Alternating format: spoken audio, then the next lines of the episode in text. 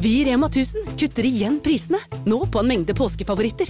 Du får for eksempel minst 25% priskutt på appelsiner i løsvekt, familiepakning med vaffelmiks fra Toro, tipakk Rieger kakao fra Freia og andre påskefavoritter. Alt dette og enda flere priskutt på minst 25% For det er sluttsummen på påskehandelen som teller. Og husk at vi fortsatt har fryst prisen på over 1000 varer.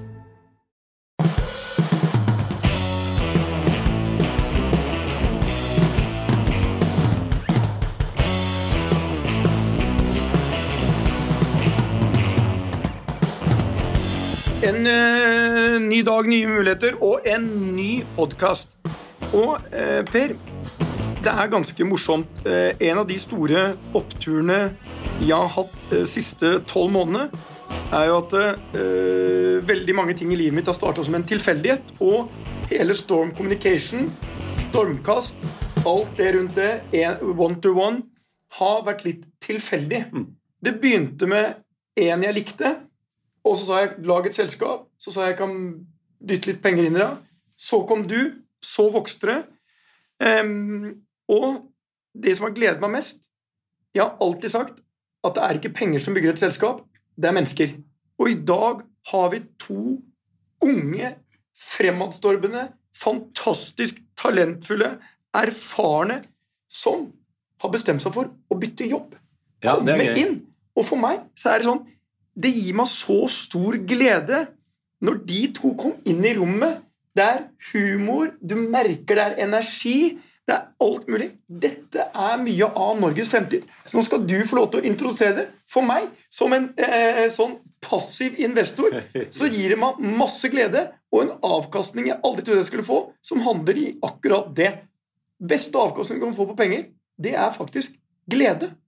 Og i dag er jeg glad, for vi ansetter noen nye folk. Ja, vi gjør det. er? Vi har jo uh, lenge snakket om at vi skal starte et nytt uh, byrå innenfor uh, myndighetskontakt og politisk kommunikasjon. Men vi har brukt en evighet på å finne de rette folka. Fordi å finne liksom, de beste folka er vanskelig, det. Eh, men det har vi gjort. Vi har funnet Julie Remen Midtgarden og Zaineb Al-Samarai. Velkommen til dere, Julie og Zaineb.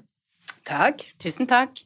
Det er, jo, eh, det er jo sånn at vi lanserer et nytt byrå. Dere er partnerne i det byrået og skal bygge opp eh, det beste som finnes innenfor eh, politisk kommunikasjonsrådgivning. Hvordan føles det? Du, det føles eh, veldig bra. Det var jo veldig spennende. Det var ikke et så veldig vanskelig valg.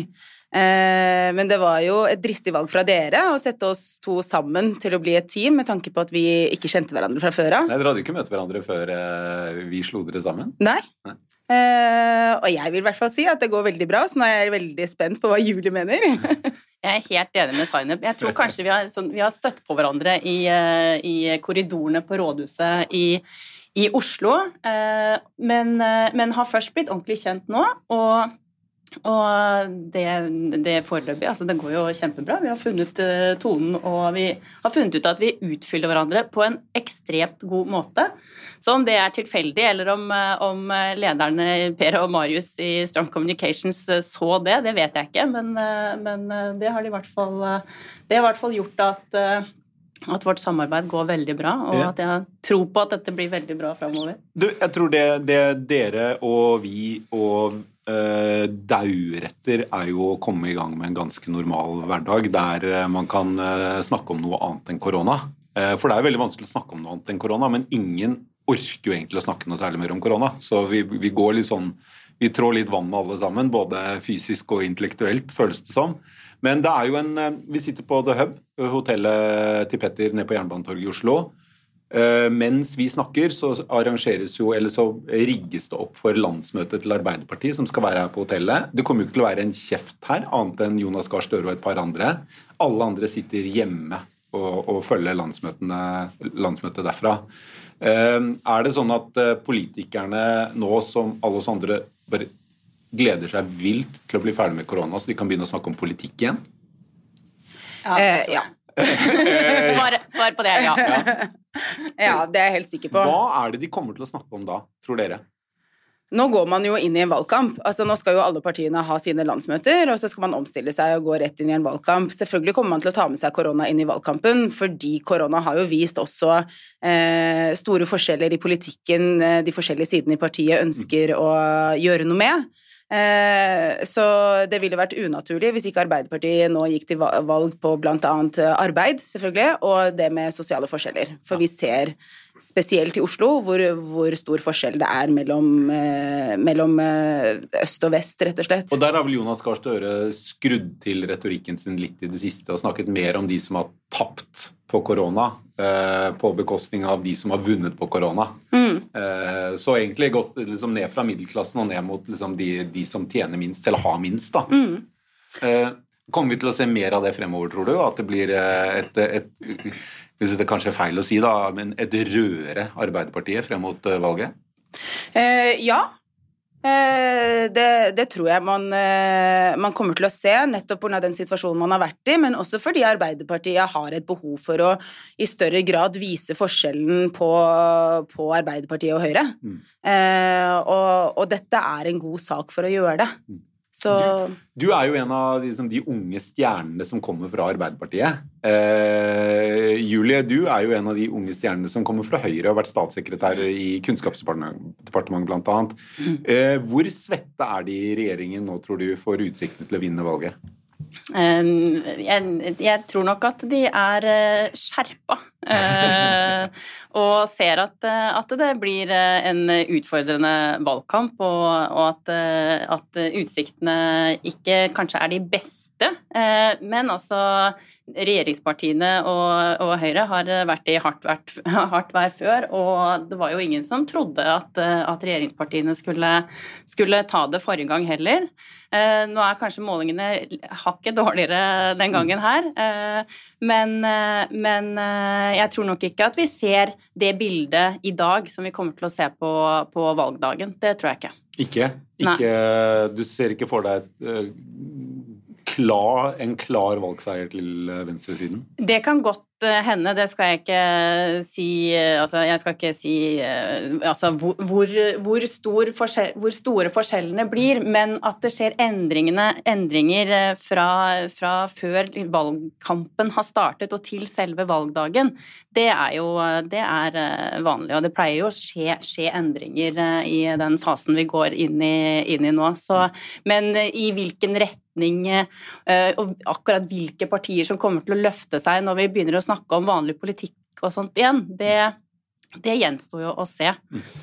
Men at, at, regjeringspartiene nok er også opptatt av å få fram eh, sin politikk og hva de har gjort i tillegg til å håndtere korona, det tror jeg på samme måte som Arbeiderpartiet og opposisjonspartiene, opp, eh, opposisjonspartiene nå, nå, er veldig opptatt av å synliggjøre sin politikk, så er jo også regjeringspartiene det. Jeg, jeg syns det er eh, spennende den dynamikken eh, som skjer i eh, et altså, selskap som mm. Storm Communication, som man kanskje har litt større fravær av i politikken. fordi at der blir det veldig sånn at Julie skal jobbe for én sak, og Zainab skal jobbe for en annen sak. Og så er det å på mange måter bygge hvorfor vi er annerledes enn de. våre løsninger er annerledes. Og jeg eh, sitter jo her, og det kan man ikke se, men her sitter Ida, som da Her har vi én fra Høyre, én fra Venstre, og, nei, en fra Arbeiderpartiet, og en fra uh, som tidligere var i SV. Ida som jobber med deg. Ida som jobber med meg. Uh, og mange var nok overrasket når jeg valgte en kommunikasjon som skulle jobbe gi meg råd, som hadde sin historie da fra SV, og det har funket utmerket. Og jeg tror hele dynamikken i et rådgivningsselskap eller i kommunikasjon handler jo mye av du må forstå motparten for å også å kreere gode løsninger, og også for å se liksom, hva skal vi vinne på, eller hva skal være vår genuine sak. Så jeg synes, jeg liker jo hele denne mangfoldet. Jeg vet erfaringen min tilsier at jo større bredde du har i rådene du mottar, jo større er sannsynligheten for at du kommer fram til gode svar eller gode løsninger. Så jeg var veldig glad for at vi har fått to uh, lysende stjerner. Og så er det én ting til som jeg bare reflekterer over. Jeg sitter i mange selskaper, og jeg ser det kommer så mange smarte jenter opp nå og for meg så er det sånn eh, uh, nå sitter jeg og snakker om at uh, det, det, er bursdager i morgen, og de bekymrer seg over at de blir eh, liksom midten av 30-tallet. Det er ingen bekymring. De er, bare bursdag i morgen. Det er, det, er, er i sin spe, det er i sin begynnelse av karrieren, og de føler liksom at tida løper. Nei, nei, nei. Det er nå det begynner. Ja. Um, og sannheten er dette er jo representativt for hva som skjer i samfunnet, Per. For jentene tar over utdanningsinstitusjonene. De tar over alle de store. Altså, så, og det er eh, dette er framtiden. Jeg beklager å si det. Du sitter der, godt grå i håret, en- litt Obama-style, og framtiden Som en representant for fortiden. ja, litt sånn blir det. Eh, altså, du må jo glede deg mye å få noen som du kan bryne deg litt på. Ja, ja, det er dritgøy. Ja, det er kanskje ikke lov å si, men ja, det er kjempegøy. Jo. Det er jo det, og um, det er jo nettopp det og sånn, å ha kolleger som ikke er helt lik deg selv, som er noe av moroa med å jobbe. Hvis ikke så kunne man jo bare sett seg selv i speilet hele dagen, og det kunne blitt litt kjedelig, det òg. Du, um, Julie og Zaineb, um, bare helt sånn på tampen, for vi skal ha uh, vi skal ha virkesjefen og en eh, leder av en turistvirksomhet eh, i studio nå ganske snart. Så eh, de, de er jo selvfølgelig veldig opptatt av gjenåpningen av Norge og norsk næringsliv. Bare lyst til å spørre dere om det før vi runder av her. Tror dere at gjenåpningen og graden av vellykkethet i gjenåpningen vil påvirke utfallet av valgkampen? Det er et godt spørsmål, men altså, man har jo snakket om i hele, hele koronapandemien at håndteringen eh, jo vil eh, reflektere valgresultatet for de som eh, styrer det. Eh, så altså, en vellykket gjenåpning som får regjeringspartiene til å skinne, det vil i hvert fall ikke være negativt for dem, eh, vil jeg tro. Tror, du, tror du Erna det kan- legger eh, forhåpninger i det? At lysere tider, eh, restauranter er åpne, vi kan begynne å klemme folk igjen? Tror du hun håper at det vil gi en boost til eh, Høyre og regjeringspartiene? Det er umulig å spå hva, hva Erna tenker, men, eh, men eh, hvis jeg skal, altså Fra et Høyre-perspektiv, da, som, som tidligere Høyre-politiker, så, så vil jo jeg, jeg tenke at det kan bidra til å, å løfte Høyres oppslutning, absolutt. At, altså, noe av det Høyre snakker om når vi, når vi driver valgkamp, er eh, lave skuldre og brede smil. Og i den grad vi kan gå inn i valgkampen med det, så tror jeg at det vil være både bra for eh, Bra for eh, Høyre og de som, de som mm. er valgkampmedarbeidere i Høyre. Ok, tusen takk skal dere ha, Julie og Zaineb. Vi skal videre, vi, Petter. Det skal vi.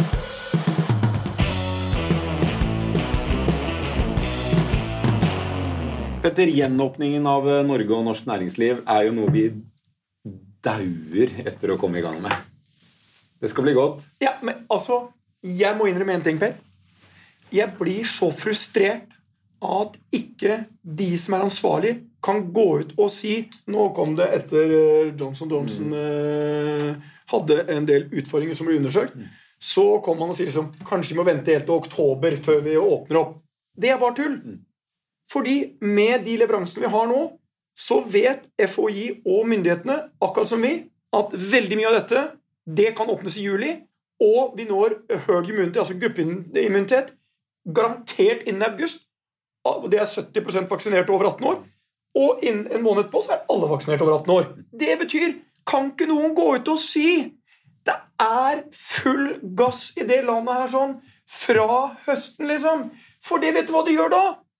Som samtalen vi skal ha i dag. Da får du forutsigbarhet til de som driver bedrifter. De som driver en restaurant, vet ok, det er mulig jeg må holde det liksom Det blir tøft litt til. Skulle vi drive en bedrift, Per, de, eh, med den forutsigbarheten som de driver det landet her akkurat nå, så hadde det ikke gått veldig bra. Nei, det hadde gått uh, skikkelig dårlig. Uh, vi har i, i studio med oss nå så har vi jo Ivar Christensen, som er uh, sjefen i hovedorganisasjonen Virke. Velkommen til deg, Ivar. Du er jo leder for en organisasjon som har veldig mange handels- og tjenestenæringsbedrifter. Ja, vi har jo hatt, uh, hatt det ordentlig friskt dette året her med Ja. de 24 000 medlemsbedriftene vi har, som står, har stått i en pandemi. altså Det har vært tøft. Og ved siden av deg så har du jo et medlem av Virke. Eh, velkommen til deg også, Bengu Aker Christensen. Du er eh, sjefen i Waynor AS. Ja, det stemmer. Eh, det er, en, eh, så vidt jeg skjønner, en kjede av eh, eh, turistbutikker, ikke sant? Ja, Vi er både en grossist og en detaljist eh, på suvenirvarer for eh, internasjonale gjester. Ja, Så lusekofter, viking, Lusekofter, eh, troll magneter Troll, ja. magneter Alle minner som du har lyst til å ta med deg fra Norge når du først er her og blir inspirert, det kan du få hos oss. Jeg må bare beskrive Foran seg holder hun nå et lite troll som har en norsk eh, flagg som en lusekofte eller et eller annet sånt noe. Han heter Flaggfrode. Flaggfrode. det Ja. Flaggfrode. Bestselgeren. ja. Ja, Er det bestselgeren? la meg si det sånn, dette er da eh, symbolet eh, som Bengu har med seg, som på mange måter eh, forteller meg, uten at jeg kan noen ting om det Du må stå i, midt i, om mulig, eh, eh, som eh, enda verre enn meg, midt i episentrum for de som rammes aller hardest. For du det er ikke mange nordmenn som kjøper det trollet ditt med den norske, norske greiene på. Nei, for det er det kinesere, amerikanere og franskmenn som Helt klart. Vi er 100% Vi snakket om det i sted, ikke sant, Ivar? Ja. Det hjelper veldig lite for meg at, eh, at nordmenn kan gå ut og handle, eller at eh, ting åpnes opp for eh, oss, så lenge grensene er stengt. Vi er 100% avhengig, både oss i form av å være en detaljist med egne butikker, men en stor del av vår virksomhet er å være en grossist, altså, eh, som selger til våre B2B-kunder igjen, som lever av akkurat det samme igjen, at grensene åpnes opp. Så i alle ledd vi opererer, så er vi helt avhengig av at amerikaneren, asiateren, tyskeren er tilbake. Men det, vi, sitter jo også i Hurtigruta, vi kjenner på mye av det samme. Men sannheten er jo, hvis jeg hadde sagt til deg at du kan planlegge for at sånn og sånn blir det, det vil komme så og så mye trafikk i juli, og så og så mye sånn synes jeg, august-september. Fordi jeg tipper, sittende du har, nå vet ikke, jeg kjenner ikke helt eierstrukturen på selskapet ditt, men jeg tipper at på et eller annet tidspunkt så får du en cash-utfordring. Altså du går tom for cash. Og myndighetenes eh, programmer har jo eh, Vi kan diskutere hvordan de har vært. De har vært ok, men ikke mer. Eh, og beklageligvis så rammer de veldig skjevt. Eh, har du fått støtte som er med på å ta deg gjennom dette? Du, vi har Vi lever i, altså, helt på lik linje med sikkert alle andre som eh, er i tilstøtende bransjer som oss. Vi lever utelukkende av kompensasjonsordningen, og den kjenner vi jo godt til. Den dekker jo ikke hele kostnadsbildet vårt. Så vi går jo da bakk med 20-30, opptil 40% hver måned på våre faste kostnader, inklusive lønn. Og det har vi jo da gjort nå i et år. Og det trenger jo ikke å være Einstein for å kunne forstå at dette Det eh, nå bra. begynner å bli helt sinnssykt tøft for Men du er ikke alene, og det kan du si noe om. Ja, nei, det er helt riktig, for jeg synes jo dette illustrerer den av avhengigheten man har. sant? Petter, du med både Hurtigruta og hotellene, sant? og du, du er jo altså, du er handel, ja, men det er ikke det du er. Du er en del av reiselivet. Det er denne verdikjeden 100%. hvor man egentlig er avhengig av at disse turistene kommer til det fantastiske landet vårt. Og i et normalår sant, så er det litt under 200 milliarder som skal rulle gjennom her, og vi er jo ikke på noen måte i noe normalår. Det blir ingen normalsesong for reiselivet dette året heller. Men jeg er helt enig, Petter, jeg håper jo virkelig at, eh, at vi kan liksom få dette i gang.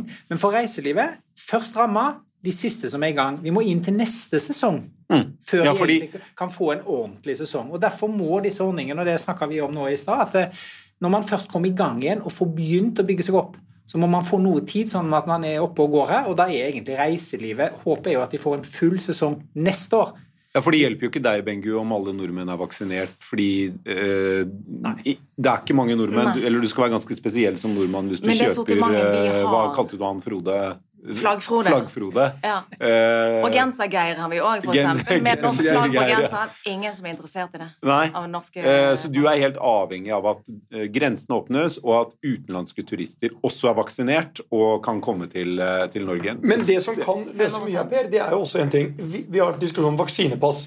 Problemet er at når man hører folk diskutere det, så virker det som de må være vaksinert. Det er bare tull. Du får et vaksinepass, eller et grønt pass, enten hvis du er vaksinert, eller hvis du har antistoffer, altså antibodies, eller om du har en nylig avholdt PCR-test, som er verdens minste problem, som i dag tar meg, tok det i dag til morgen, det tar meg altså ett minutt å ta det, og det tar meg et par minutter å få svar på det. Eh, da viser det at du er negativ. Fine. EU kommer til i sommer å akseptere det, sånn at du kan reise gjennom landet. Hellas signalerer, Frankrike, Italia, alle sammen. Norge har ennå ikke sagt klart fra at har du det, så kommer du. Så du kan kjøpe flaggeir og Flaggfrode. flaggfrode og Det er bokstavrim, Petter. Det, det er Ja, det er alli, en Ja, god gammeldags alliterasjon, ja. Ja, ok. Så, um, og da, det, hvis du hadde fått det, og så sier man ja, men vaksine Jeg må ta vaksine hvis jeg skal til en del land i Afrika. Jeg må ta vaksiner. Så for meg er det helt altså, Ok, nå må jeg ta en til. Det, det er ingen diskriminering, for alle kan få det. Men det burde jo være en no-brainer at vi fikk det i Norge, og at vi fikk signaler om at det kommer Men, men i her Norge. må vi, hvorfor, her må, hvorfor skjer sant, ikke det? helt, helt enig, og her har jo de gitt noen signaler, men det må være en europeisk løsning. Sånn at det faktisk er mulighet til å få den bevegelsen over landegrensene. Mm. For at når vi får bevegelsen over landegrensene, det er først da reiselivet kan åpne opp igjen. Husk, det er ikke en tilbud-etterspørselsproblematikk, dette, det er en pandemiproblematikk. Mm. EU sier de har det klart uh, før sommeren. Ja, og da må Norge være en del av det. Mm. Eh, Selvsagt. Kommer Norge til å bli en del av det, tror du? Ja, Vi mener jo helt klart at vi må være det, og, og, og her må jo regjeringen da avklare dette her. Nå, nå opplever vi at signalene er at de ser på den europeiske løsningen, men vi må være med på samme måte som når EU er tydelig på dette, så må også Norge være tydelig på det. Det, Og det da kunne du fått cruisebåtene. Altså, hadde man sagt klart Har du eh, vaksinepass, kaller det det som, eller eh, covid-pass, så kan du reise til Norge. Da kunne du fått booka. Da hadde de kommet til Hurtigruta. Da hadde de kommet. Da hadde eh, Flaggfrode og Gensergeir, Genser og- eh, alle sammen, de hadde fått eh, et nytt hjem. Ja. Det kommer um, hva, hva venter du av sommeren da, Bengu? Fordi jeg regner med at du ikke venter uh, samme type sommer som i fjor? Det, Vi venter venter samme type sommer som- i fjor. Gjør du det? Per nå. Mm. Eh, absolutt. Altså, vi har eh, vi har ni butikker som vi eier selv, og en av de butikkene er Polarsirkelsenteret oppe ved Saltfjellet. Det er vår, vårt eneste håp, altså hvor vi vet at det kommer innom nordmenn ikke sant, som skal kjøre til Lofoten, kjøre på andre opplevelser som stopper hos oss langs E6-en der. ikke sant? Mm. tar seg en matbit, kjøper en artifact som omhandler at du krysset polarsirkelen. Eh, fin og kul opplevelse, ikke sant? Eh, eh, utenom det så har vi ingen altså, lys i tunnelen fordi at grensen er stengt. Så, så vårt eneste på en måte, innsalgspunkt til en nordmann dreier seg om den butikken og det stedet. Hva, uh, hva heter figuren der? Er det Polar-Per eller et eller annet sånt? Eh, ja, det kan vi jo på en måte vurdere i og med at eh, ja. Polar-Per hadde jo vært en, eh, en fin figur for oss. Det skal vi utvikle. Den uh, tar jeg gjerne Ja. patent på. Ja. Men um, uh, er det da neste år dere forventer mer eller mindre normale tilstander i Way Nord? Ja, vi forventer, altså gitt at, gitt at grensene åpnes, eh, så forventer vi at eh, ikke tidligere enn mai 2022 blir på en måte vi, eh, hva skal jeg si, tilbake til gammelt eh, gjenge. Og vi er jo en sinnssyk eh, profitabel bedrift når vi eh, først har eh, åpne grenser. Der er vel få Ja, som kan si at de har 70, 70%, 70 i bruttomargin. Eh, vi har eh, helt uproblematisk for oss å produsere en, eh, en EBIT-margin på 7 eh, i normalår. Vi har jo aldri gått med underskudd siden 2002, altså av offentlig tilgjengelig informasjon som er på proff. Eh, Så vi er jo Så dere er en definitivt pengemaskin i, i, Eh, i en lønnsom, ja, normaltilstander? en lønnsom bedrift når grensene er åpne. Det er det eneste vi trenger. Det er men- åpne grenser. Men jeg synes dette er interessant, fordi hele diskusjonen vi har hatt nå, nå har vi klart å dratt mange gjennom, og så står vi her nå hvor vi bare håper at altså vaksineringen, hvis den går sin gang, så kommer vi til et eller annet punkt her hvor ting bikker den rette veien. Det må vi bare håpe skjer. Det er vaksineringen som er det viktige. Og så må vi få på plass dette med, med, med over, over landegrensen med dette passet. Men det som er viktig å få med, er at for ulike bransjer så vil det være ulik gjenåpningstakt. Altså hvis du i dag, eh, Nå kom det noen lettelser i går. Nå er det noen som fikk lov å åpne butikken sin. sant? Det kan de gjøre med en gang. Da er kundene der. De driver smittevernstrygt. Men for reiselivet så handler det om disse verdikjedene som går litt over tid, hvor eh, håper jeg, Genser-Geir skal, skal ha altså det er ingen nordmenn som er favoritter for gensergeir, det er turisten som kommer utenfra. Så kjeden må henge sammen. Det tar lengre tid. Det betyr at når regjeringen nå forhåpentligvis lykkes med gjenåpningsplanen, altså at vi følger den, så må vi òg ha ordninger som er tilpassa at oppstarten av disse virksomhetene på ulik måte. Så det betyr at har man fått lån, f.eks. Mange har jo lånt nå. Holdt seg flytende, så må betingelsene og tilbakebetalingen på det stå i forhold til når de får en omsetning, sånn at de kan begynne å betjene det. For vi vet at de kan betjene det. Og for en butikk som åpner i morgen, så er det omsetning i morgen.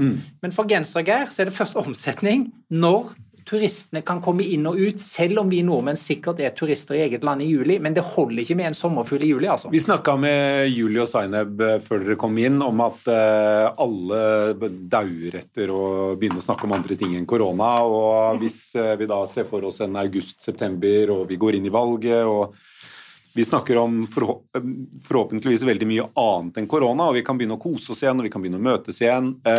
Frykter du da, Bengu, at den type virksomhet som du leder, som er helt sånn en, en, en god arbeidsgiver for, for mange mennesker, eh, og lønnsom under normale tider, at den type virksomheter blir litt glemt. Fordi vi, er, vi vil alle bare liksom, Vi har lyst til å bli ferdig med korona, så mens dere som er helt avhengig av utenlandske turister, blir glemt oppi det og vil slite med å klare dere til neste sommer?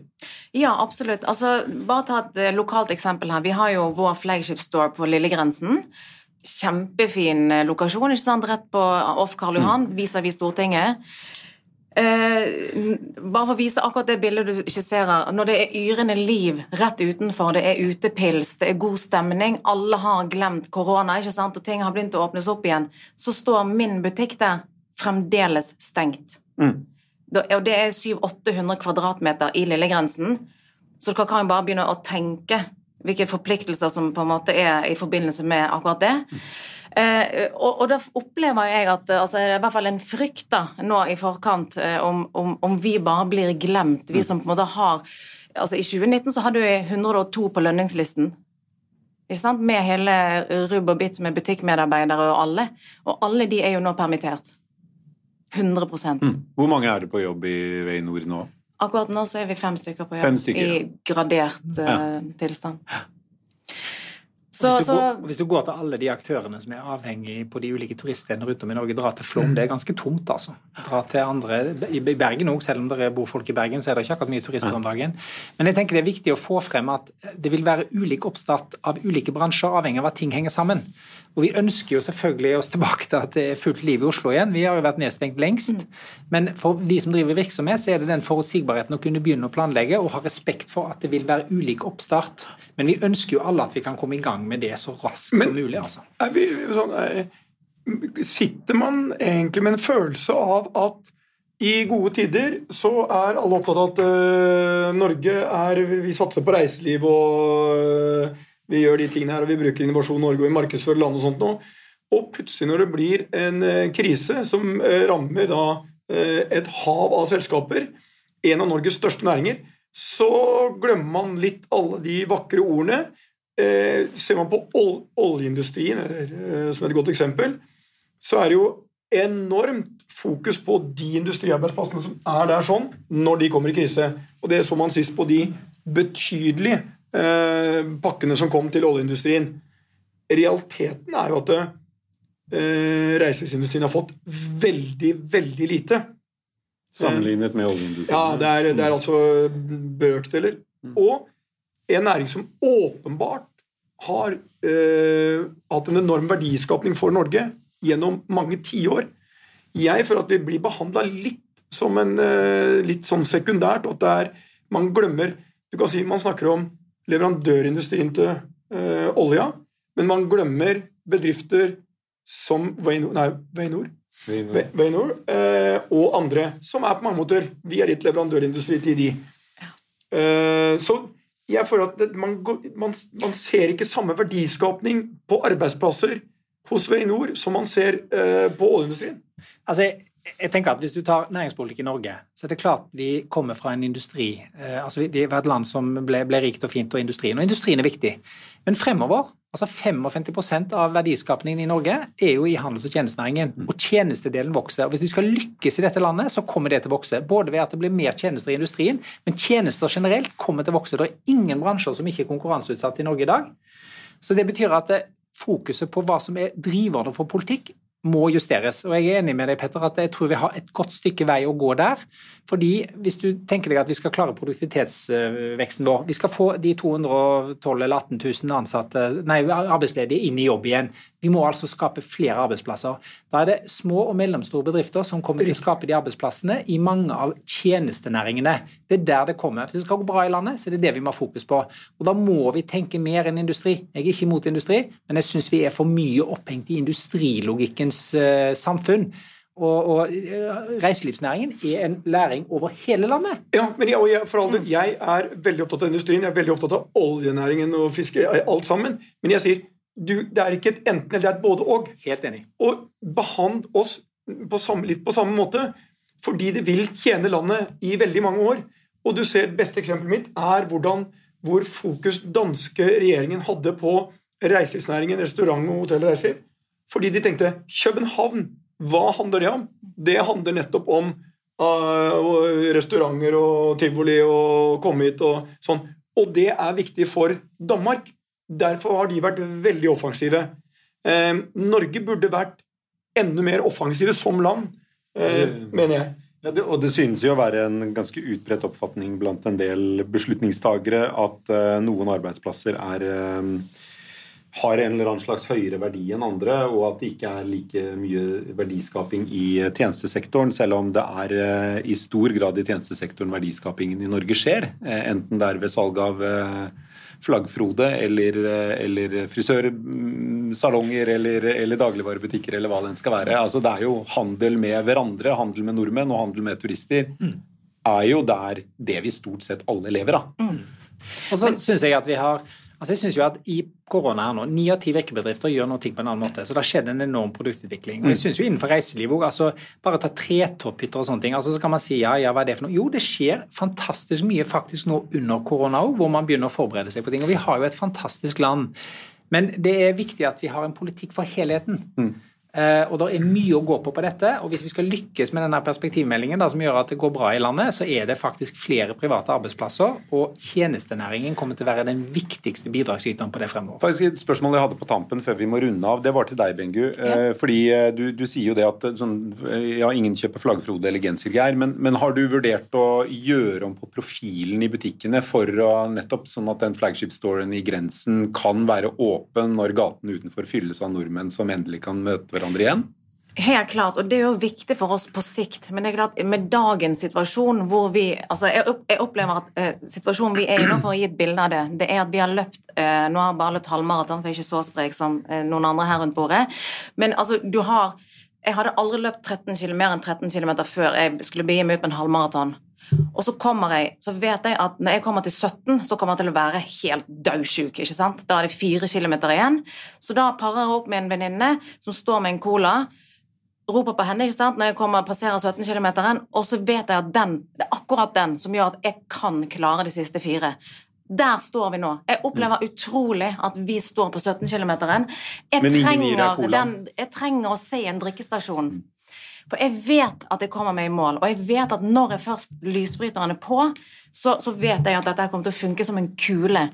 Og vi kan gjøre mye endringer altså på sikt og tilpasninger. Vi kan digitalisere helt sikkert noe mer. Men, men akkurat i likhet med Petters virksomhet Petter kan gjøre en veldig fin digital reise med hensyn til hotellopphold og alt som eh, ligger rundt, men du må faktisk fysisk ligge i den sengen, for det er en sanntidsleveranse. Og det er akkurat det samme gjelder minner og opplevelser fra en reise. Den kan ikke heldigitaliseres. Ellers så skulle jeg for lenge siden ha søkt midler fra Innovasjon Norge, alle tiltak rundt de tingene, for vi er jo så sugen på å gjøre alt vi kan for å redde selskapet, ikke sant? Som jo er Det er vanskelig å digitalisere Hurtigruta i Lofoten. Ja, eller du får jo ingen, ingen utenlandske turister til å gå inn på nettet etter at de har kommet hjem og kjøpe eh, flaggfrode. Det, det, det kommer neppe til, å, neppe til å skje. Men jeg har, et spørsmål, jeg har et spørsmål til deg, Per. Hva tror du eh, er bestselgeren Flaggfrode eller Gensergeir?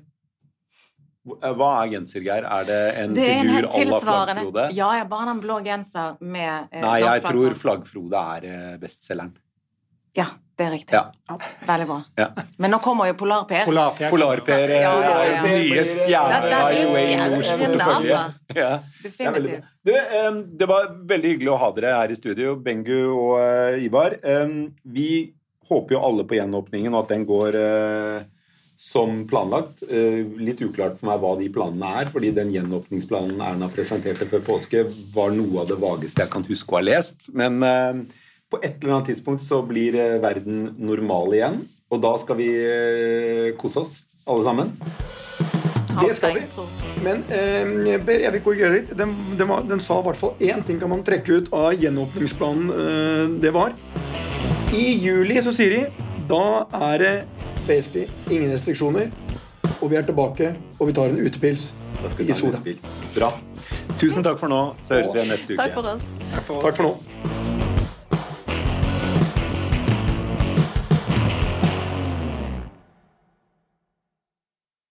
Kiwi er billigst i VGs matbørs og har vært billigst i fire av de fem siste VGs matbørser.